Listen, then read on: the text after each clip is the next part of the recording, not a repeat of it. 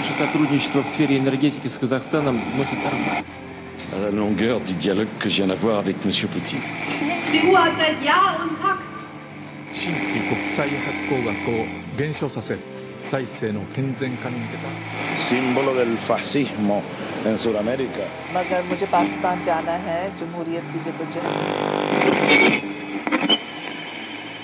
Brasil har bikket 100 000 koronadødsfall. Brannene i Amazonas gir seg ikke og er verre enn det de var på samme tid i fjor. President Bolsonaro har med andre ord mye å ta tak i i et land som allerede sliter med store økonomiske ulikheter. Hvordan har dette skjedd? Du hører på utenriksmagasinet MIR her i Studentradioen i Bergen. Med meg i studio er Magnus Nordahl Røtnes og Avery Miller. Mitt navn er Lea Sofie Westad, og i dagens sending skal vi bli klokere på situasjonen i Brasil.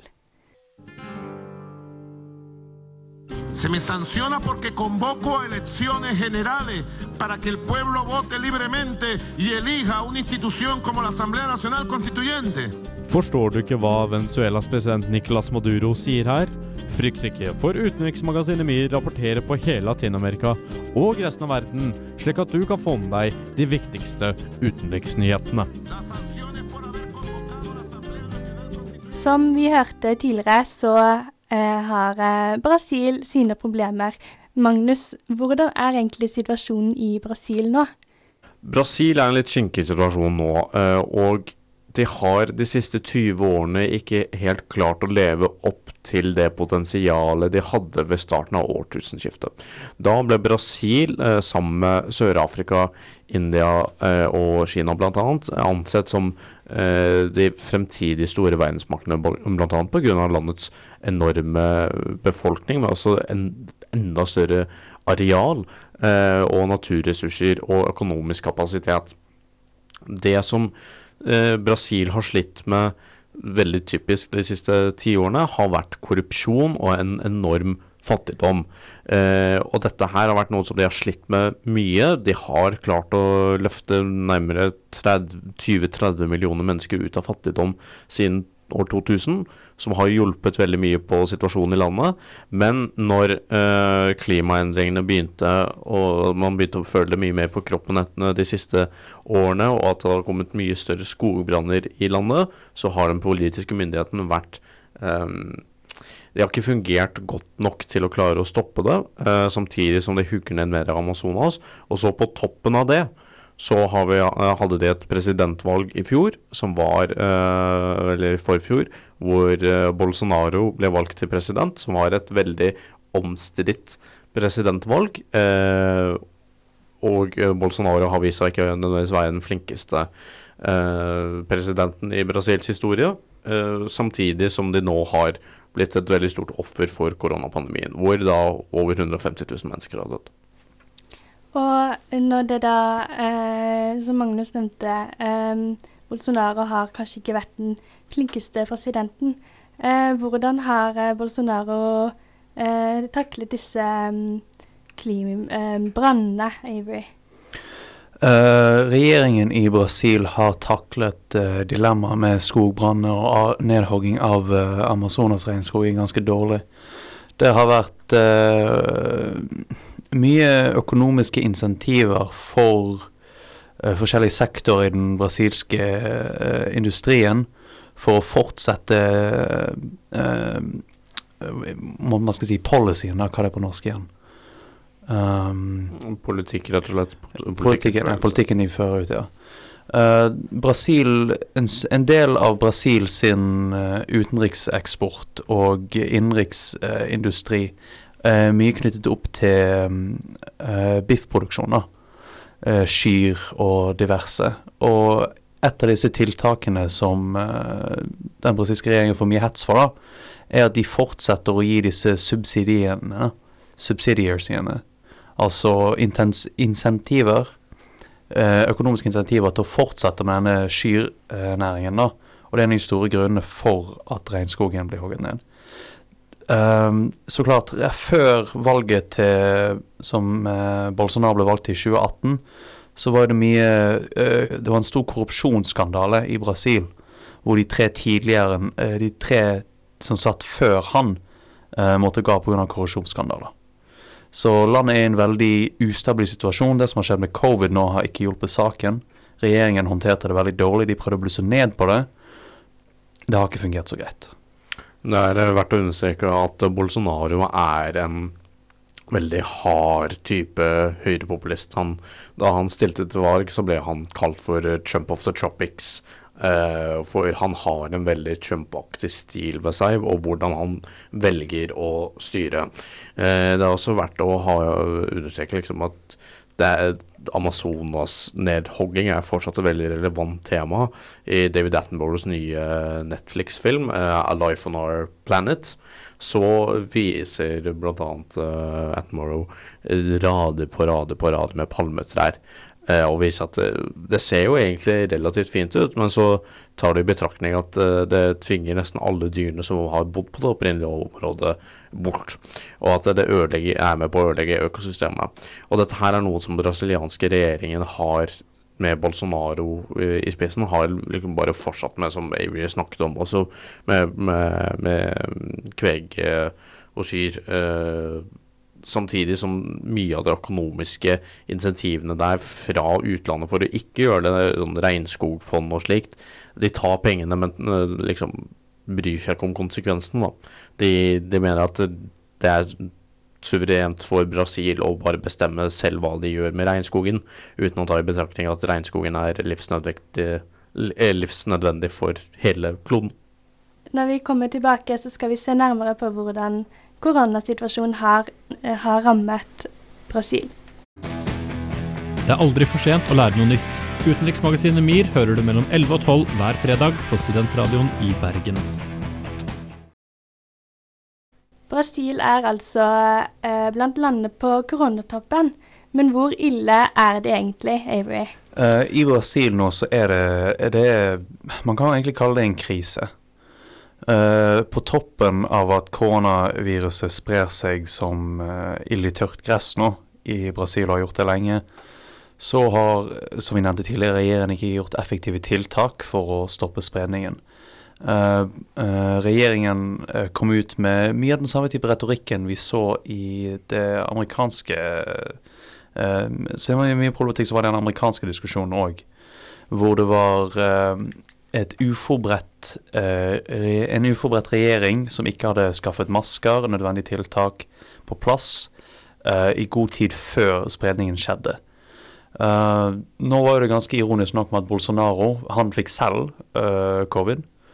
Og flere folk innad i hans uh, nære sirkel fikk det. Men når det er for folk flest på gaten, brasilianere flest, så er det, er det ganske krise. Det er det som har blitt registrert, er jo at det er over fem millioner uh, mennesker som har blitt smittet i Brasil, hvor uh, 4,7 av dem har blitt friske igjen. Men det sier litt at fem millioner mennesker Altså, det, det, ville tilsvart om alle i hele Norge hadde fått korona. Mm. Eh, og det er ganske vilt. Eh, men i et land på mange titalls millioner, så er liksom er fordelingen litt annerledes. Men det er jo veldig tydelig at det er de fattigste som sliter mest og blir, er mest utsatt. Ikke bare fordi de har veldig dårlig levekår, hvor det er 13 millioner mennesker som bor i favelaer, uh, typiske brasilianske gettoene, som er for det meste selvstyrte, men de har uh, veldig, veldig lite penger og dårlige helsemuligheter, samtidig som at dette her er jo et tropisk land, ikke sant. Det er jo mange andre sykdommer som er ute og går. Er, når du først blir syk, så er, kan det være mye lettere å bli langvarig syk. Uh, og hele det fokuset på at det er, de fattigste som blir utsatt mest, er uh, noe som den sittende regjeringen ikke har liksom, klart å hjelpe med. Men det må jo også sies at uh, Brasil er en føderalstat, så det er jo, delstaten har jo også en viss myndighet oppi dette her. Uh, og der skal jeg innrømme, der har jeg ikke så veldig mye info. Jeg kan dessverre ikke lese portugisisk, uh, eller brasiliansk og portugisisk. Så jeg baserer meg kun på det som den føderale myndigheten har gjort. Og der har Bolsonaro bl.a. sparket helseministrene sine to ganger i løpet av pandemien. Og som du sa, Avery, har eh, fått korona selv.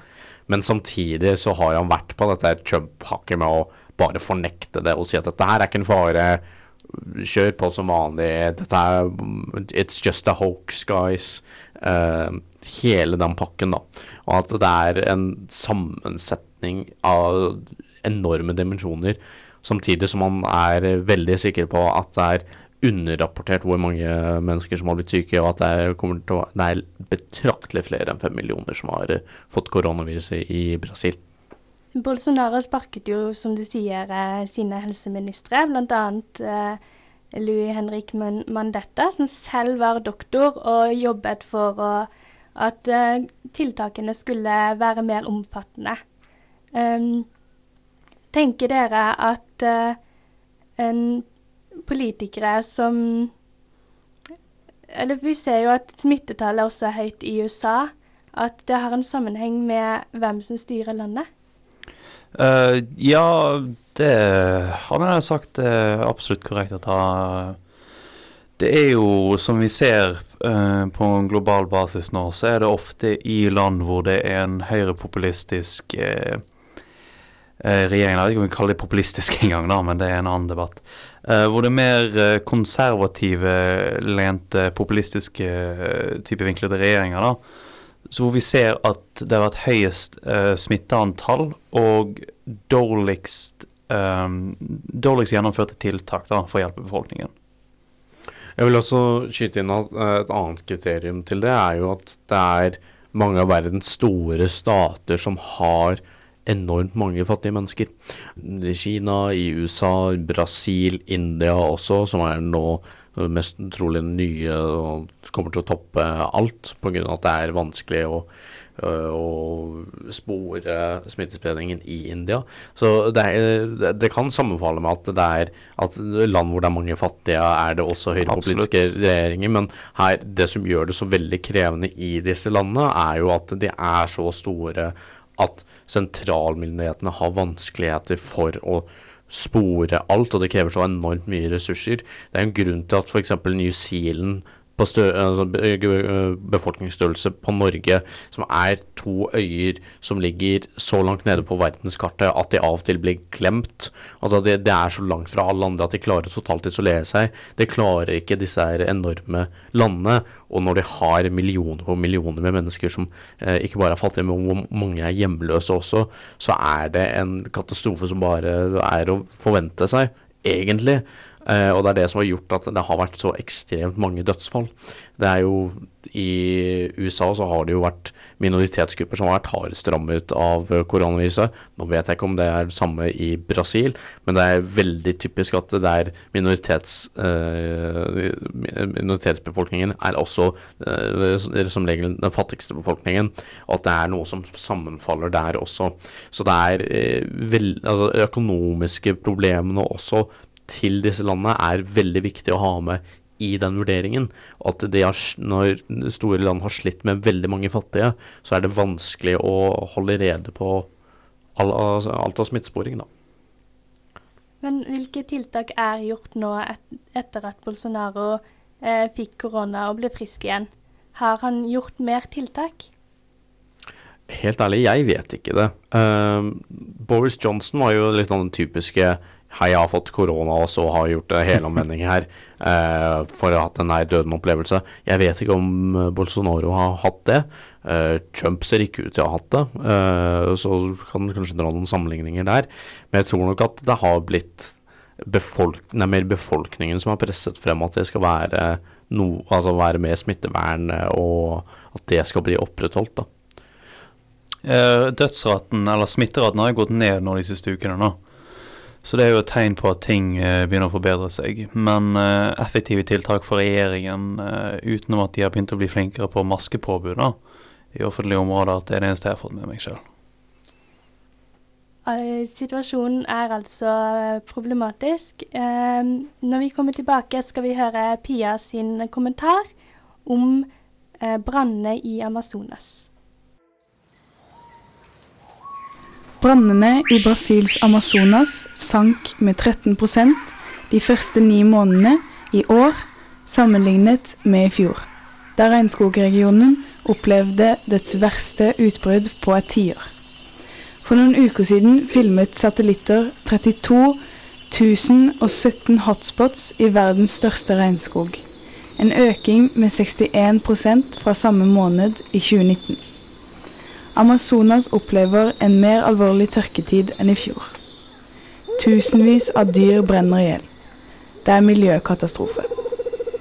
Samtidig nekter president Jar Bolsonaro at det brenner i Amazonas, til tross for at hans egen regjering har data som viser at det gjør det.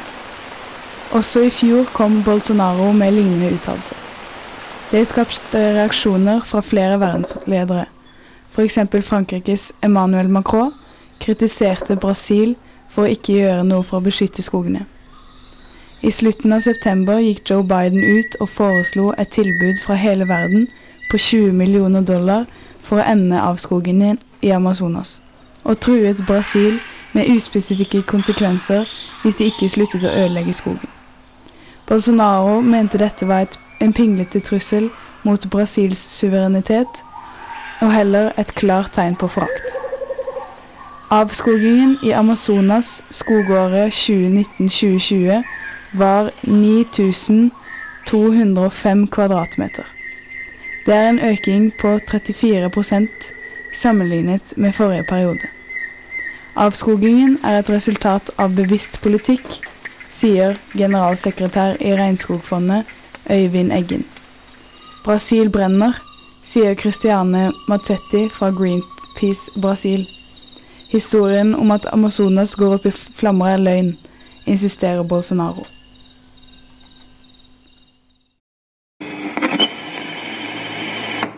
Har du selv hatt samtale med Meshal?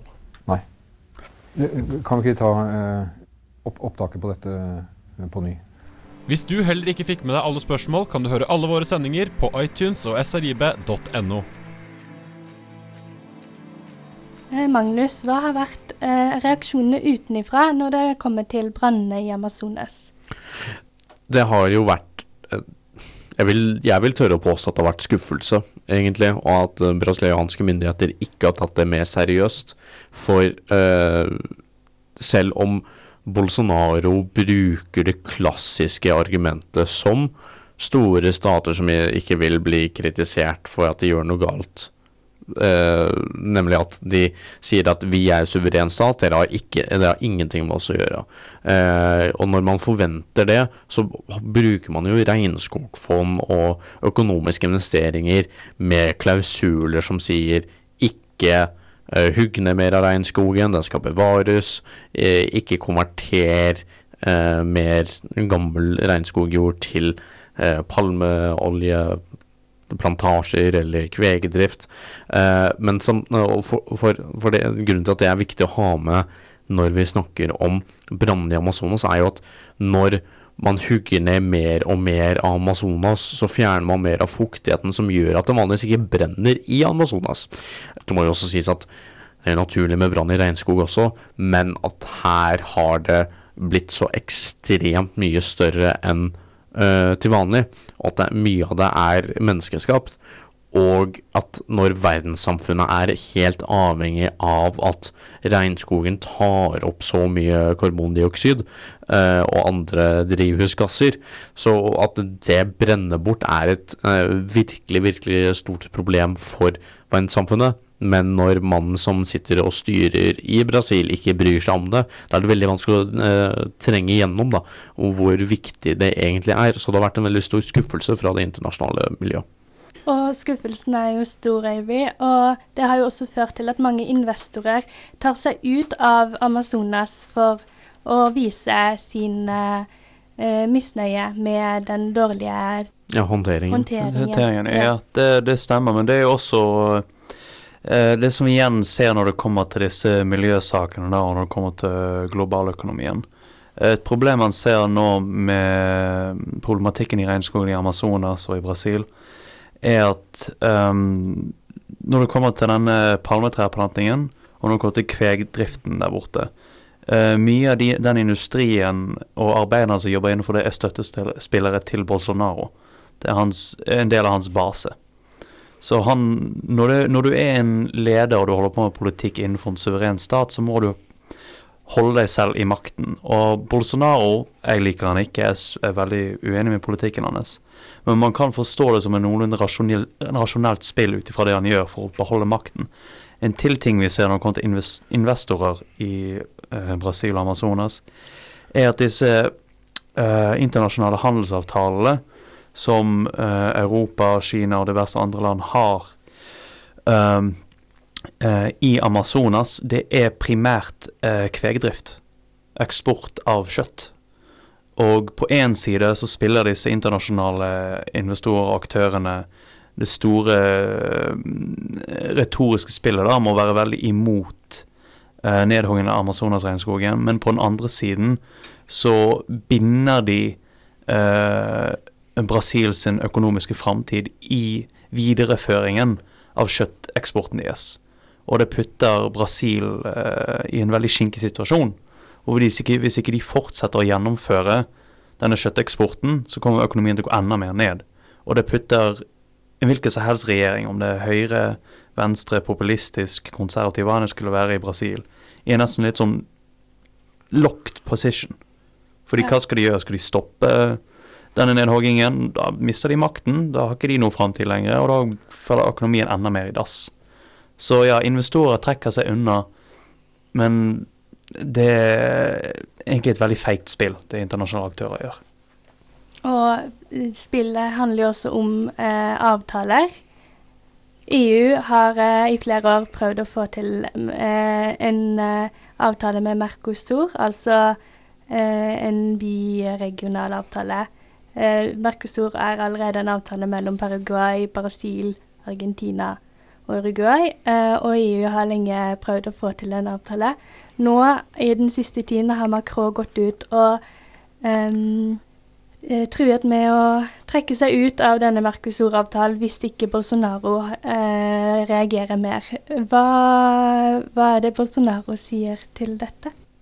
Jeg vil vel tro at det han sier at det er bare kjøre på. Altså at han, han For hans del, som Avery påpekte, så er ikke, det er ikke det som er viktig. Det er å gi øh, jobb til de som har stemt på han, øh, og for, øh, sikre at han har en stor eh, et stort eh, politisk støtte i et grunnfjell i partiet hans, som er primært de fattige. Og det er jo for så vidt et lite paradoks der med måten koronahåndteringen har vært på, men at det er eh, Det er ikke så viktig med det internasjonale når det er eh, mer nasjonalfokuserte regjeringer som styrer i land. Da er det ofte mer at nei, nei, vi bryr oss ikke om dere.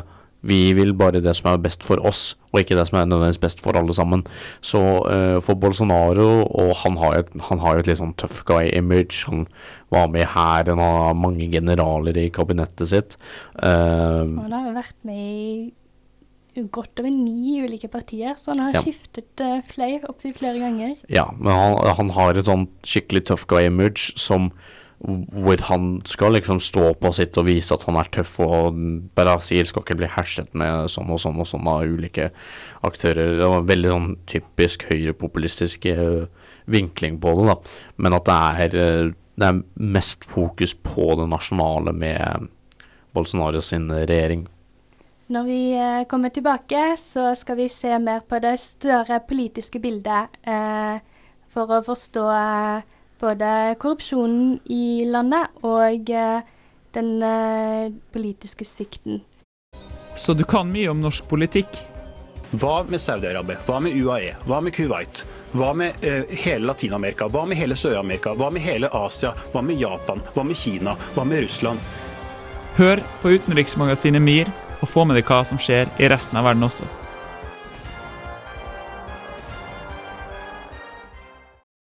Korrupsjon preger i stor grad eh, Brasil, Avery. Eh, men hvordan spiller det politiske spillet inn eh, når det kommer til håndtering av de store ulikhetene i landet, håndteringen av korona? Uh, I Brasil så uh, korrupsjon uh, har vært et vedvarig problem i flere tiår nå. Egentlig siden eh, Jeg vet ikke når siste militærkupp var sånn ordentlig. Ja, det, ble, det sluttet på 80-tallet. 80-tallet var det, ja, det jeg tenkte. Um, uh, etter Brasils store utfordringer uh, politivesenet. Eller det?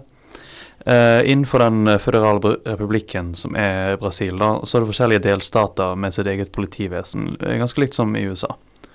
Uh, mye av problematikken der borte er at eh, eh, politiet får mye av sin investering av eh, eh, av de lokale kommunetype greiene, da, sånn som vi kunne sett for oss her i Norge.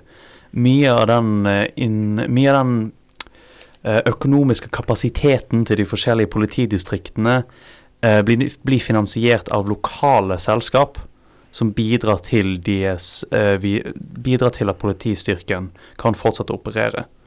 Det er en av de store problemene i, eh, i Brasil. Det gjør det veldig vanskelig for eh, klasser eh, eh, av, de, nei, av de fattigere klassene å få hjelp av politiet. da. Og kunne gå og få effektiv hjelp, med tanke på at politiet ofte beskytter disse investorene som viderefører driften deres. Helsevesenet er også litt problematisk der borte, med tanke på at de som står svakere stilt i samfunnet, har det veldig vanskelig for å få hjelp. Nå som det er covid, så ser man at det er veldig mange eh, brasilianere, eh, fattige brasilianere, mine som bor på Veiland og sånt, de lider veldig mye av en Det virker som en litt unik strain av covid der borte, fordi det er veldig mange brasilianere som lider av vedvarig muskelsmerter. da. Og vi har sett eh, folk i andre steder av verden sliter med tungpustethet. Så ser man at det er en markant høyere prosentandel av de smittede i Brasil som lider av vedvarig muskelkramper, og lider videre med det nå. Mye av korrupsjonen i Brasil stammer også fra et politisk system som i teorien skal egentlig være, fungere veldig bra, for til nasjonalforsamlingen da, eh, i Brasil så eh, har man ikke Man har parlamentariske valg, men man har åpne lister. Så i motsetning til Norge, her hvor det er partiene som bestemmer egne lister, så har man åpne lister der. Eh, det det gjør, er jo at de mest populære politikerne blir valgt inn fra distriktene. Ikke sant? Og kanskje er du litt populær, du har liksom hjulpet politisjefen litt, grann, du har eh, veldig gode businessvenner, ikke sant. Da er det relativt lett å få eh, støtte og legitimitet, sånn at folk stemmer på deg. Og det er en syklus som eh, ikke bare gjør at representantene ikke nødvendigvis er så pålitelige og tro mot partiene sine, men også har andre interesser. Det gjør også at eh, det er over ti vil noen si nesten 13-15 partier i den brasilianske eh, parlamentet, eh, hvor den forrige eh, en av de forrige koalisjonene hvor det var sosialdemokratene som styrte, med Rossa, eh, da var sosialdemokratene på 16% og største parti. 16% altså det er jo jævlig mange stemmer i Brasil, men det er jo en ekstremt liten del av nasjonalforsamlingen. Det måtte være syv partier for å lage en, et flertall, og ikke alle var i regjering. Og at det igjen gjør det vanskelig å styre, selv om Brasil er et land hvor eh, presidenten har veldig mye makt. Når hele denne politiske situasjonen er som den er, samtidig som man har litt sånn politikere blir utpekt til å sitte i styrer til halvoffentlige selskap, ikke sant? Og der har noen av de virkelig store korrupsjonssakene i Brasils historie kommet fra. Eh, hvor da, som eh, Avery sa, hvor de tre siste presidentene har blitt eh, siktet for korrupsjon og funnet skyldige, og en del av dem har måttet eh, det. Altså rett og slett fordi de, det, altså, det, var, det, var en, det var riksrett mot dem, eh, og at det var så alvorlig at de måtte gå av, eller at de rett og slett ikke fikk lov til å stille til valg igjen for å bli eh, president, eller som partileder. Så det, er en korrupsjonen er veldig, veldig tydelig både på sånn lokalt eh, toppnivå på lokalnivå, men også på føderalnivået. Og samtidig så har du jo enormt mange mennesker som lever eh, i fattigdom, som da også føler at de ikke får stemmen sin hørt. Og Brasil er også et veldig splittet land. Uh, sin historien til Brasil er jo et land bygget på kolonisme. Eh, og en ting man ofte eh, kan merke seg i et uh, korrupsjonsherret land, da, Jeg ser på de forskjellige folkegruppene. Og Brasil er et veldig unikt tilfelle eh, av koloni, eh, kolonialisme. ja. ja. Uh, Sammenlignet f.eks. med sin mest sammenlignbare partner, da, USA. Uh, USA merker man at det blir en slags type smeltepotter. En blanding hvor kulturene kom sammen og lagde noe nytt. I Brasil så så man noe litt mer uh, De forskjellige kulturene holdt seg litt mer adskilt. Og det er noe som vi har et litt sånn en dårlig forståelse på her i Vesten. da.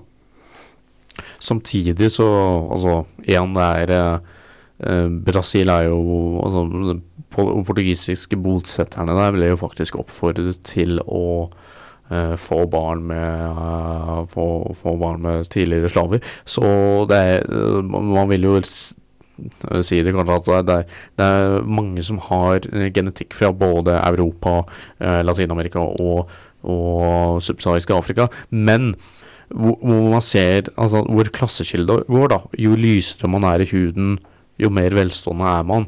Så det er, det, er ikke, det er, ikke, vanlig å se en som er relativt lys i huden, som bor i favelaen, f.eks. Og, og man ser at liksom, toppolitikerne er mye lysere i huden enn de som bor i favelaene, eller de som er fattige. Så at det, er liksom en, en, slik dimensjon ved det også, men det er ikke nødvendigvis en ren kulturdimensjon, for alle er br brasilianere sånn sett, selv med tanke på at det er mange urfolk der også, men at det er, eh, det, det, det er mer et klassespenn som også har noen genetiske trekk, da. Eh, og det hjelper jo ikke akkurat på den politiske situasjonen.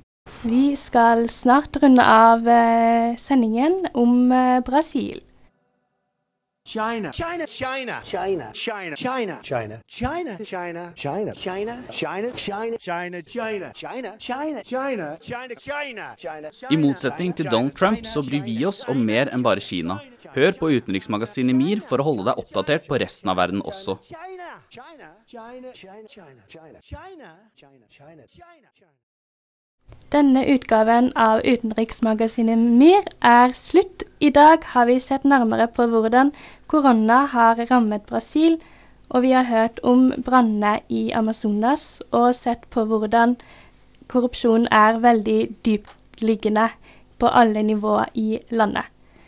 Mitt navn er Lea Sofie Westad, og med meg i studio har jeg hatt Magnus Nordahl Røtnes og Avery Miller. Du kan høre oss på podkast på srib.no og på Spotify. Produsent i dag var eh, Mathilde Angeltveit, og vi er tilbake neste fredag.